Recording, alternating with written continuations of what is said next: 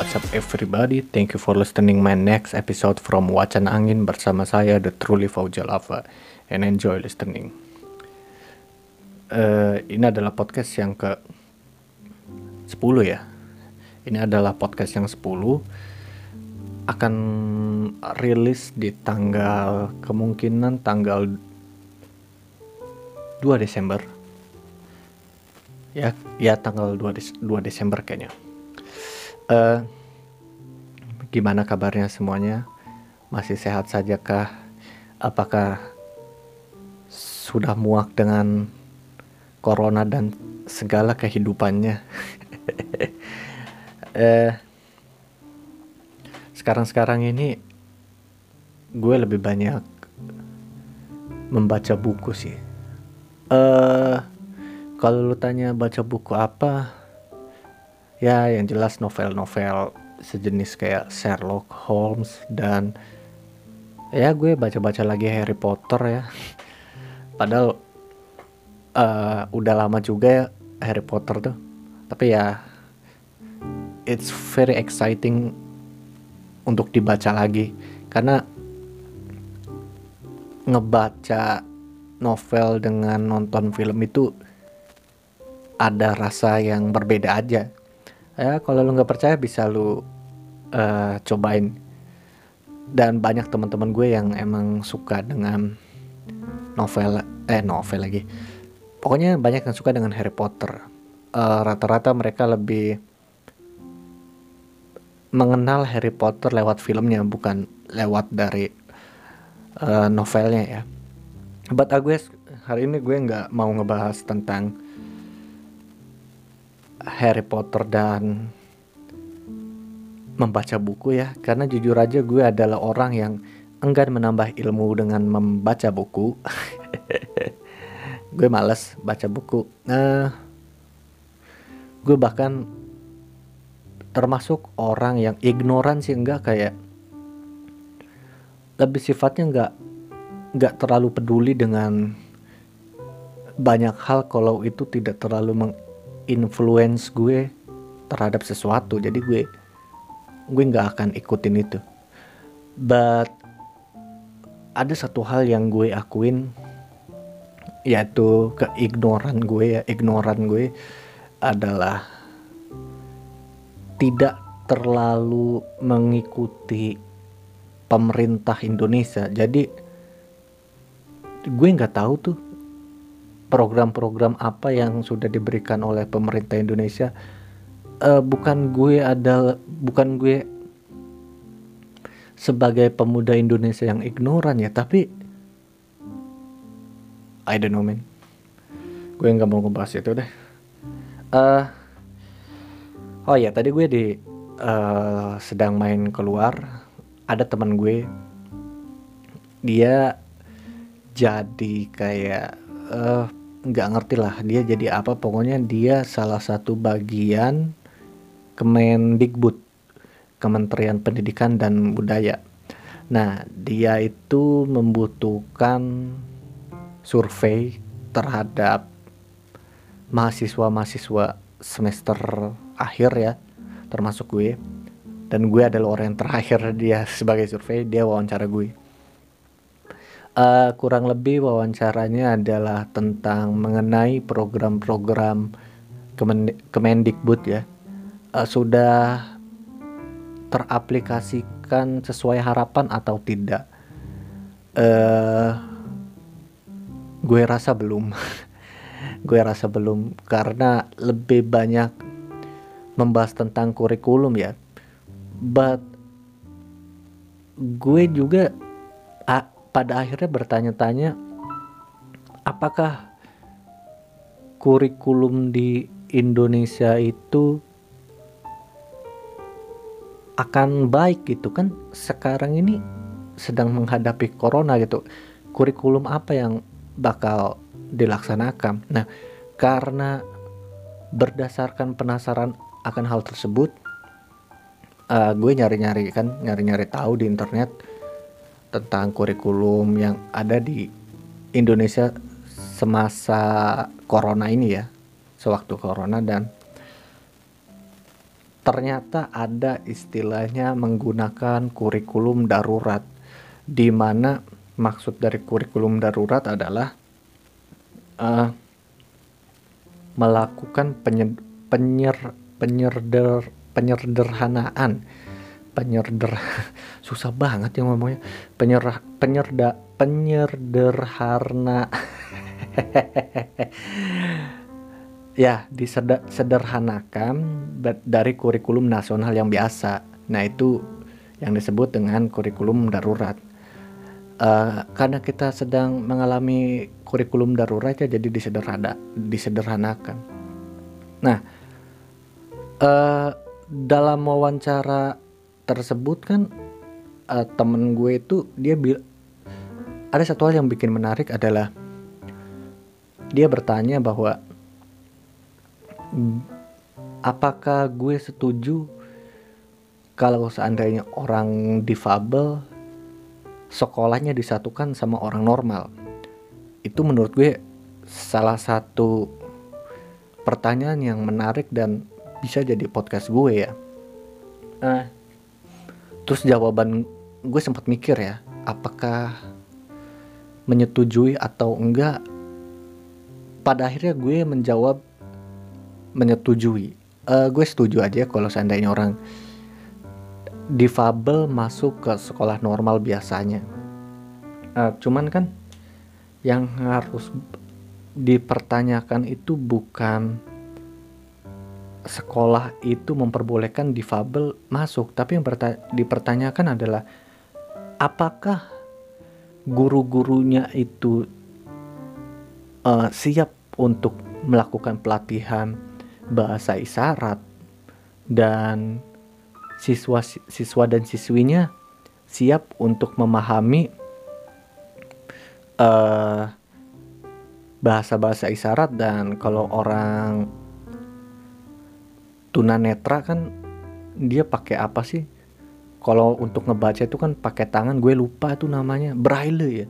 Iya pakai braille itu apakah orang normal juga harus belajar uh, apakah siswa-siswi itu harus belajar juga? Nah itu yang harus dipertanyakan. Uh, jadi gue setuju kalau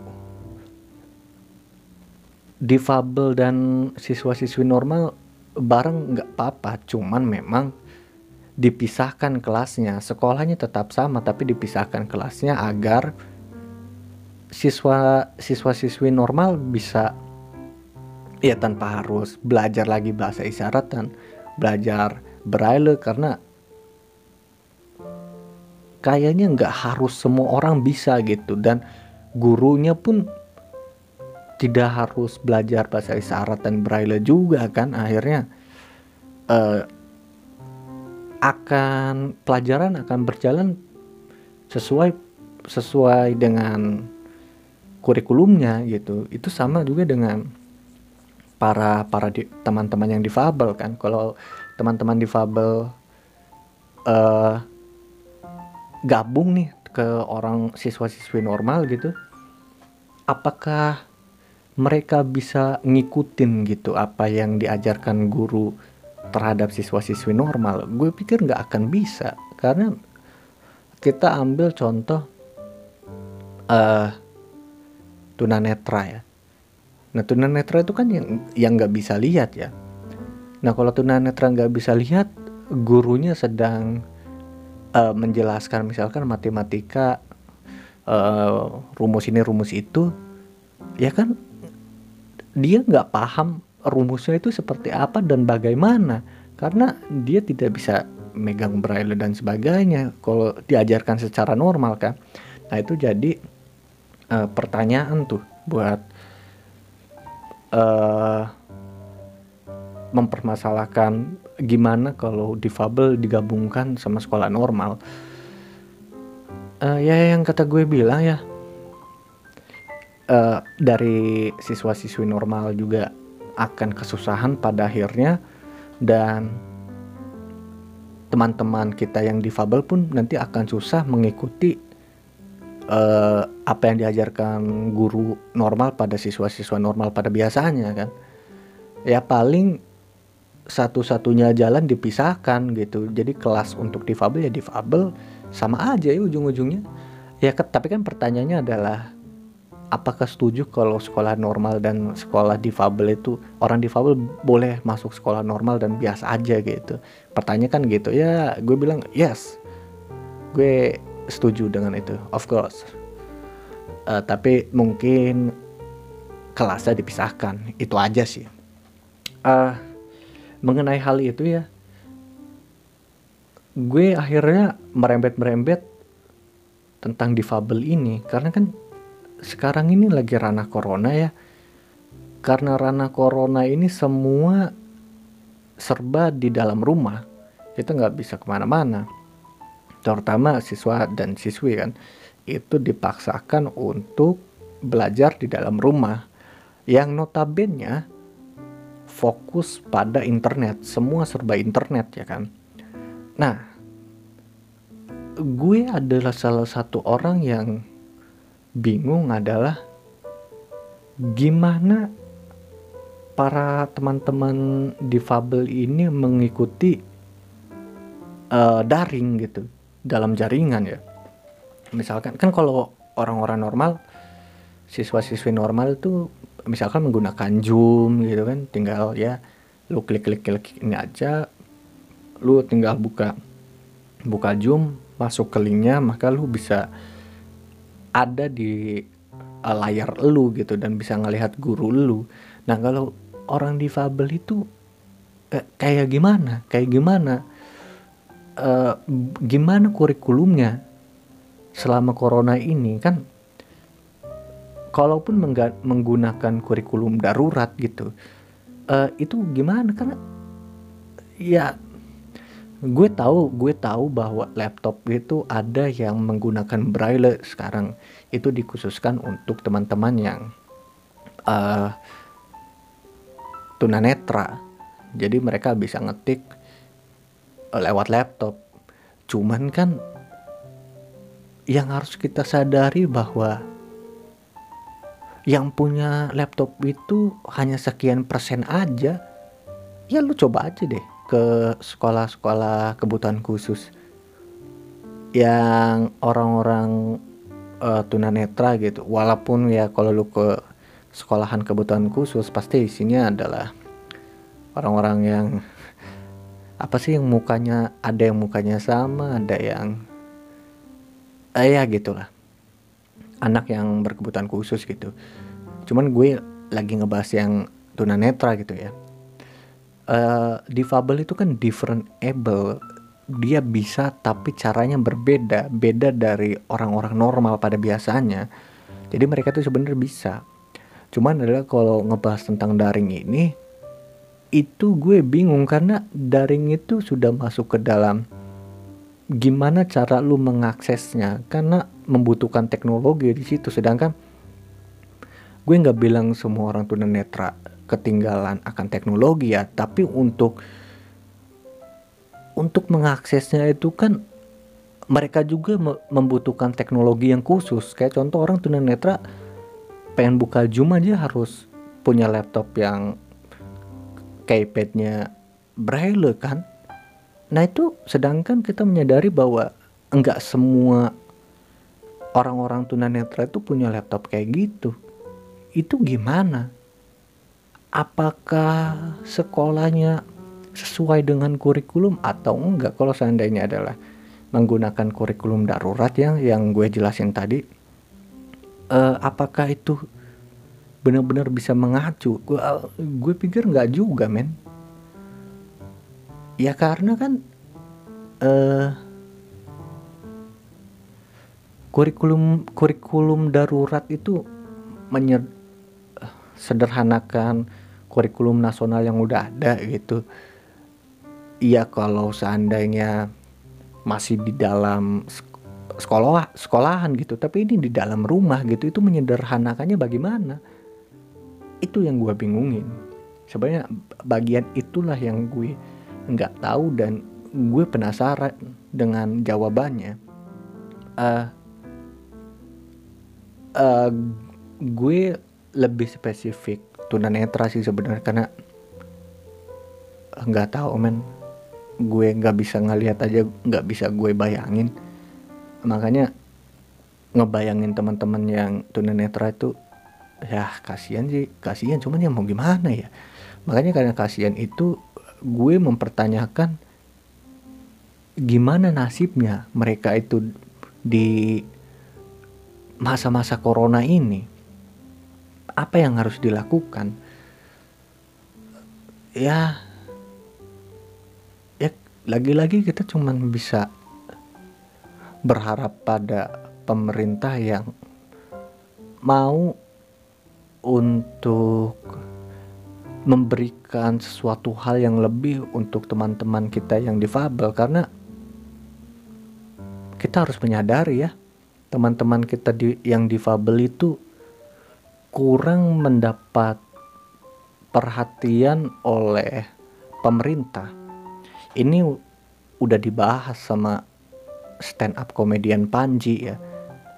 Uh, salah satu contohnya adalah kayak kalau lu ngelihat trotoar-trotoar gitu kan kalau orang tunanetra tuh kalau di luar itu ada ada jalannya ada jalannya kayak ada titik-titik atau gimana. Jadi orang tunanetra itu bisa ngerasain kalau oh ini jalan untuk orang-orang tunanetra harus ngerti harus ke mana ke mana. Karena ada ada yang bikin feels oh ini jalan gue gitu tuh.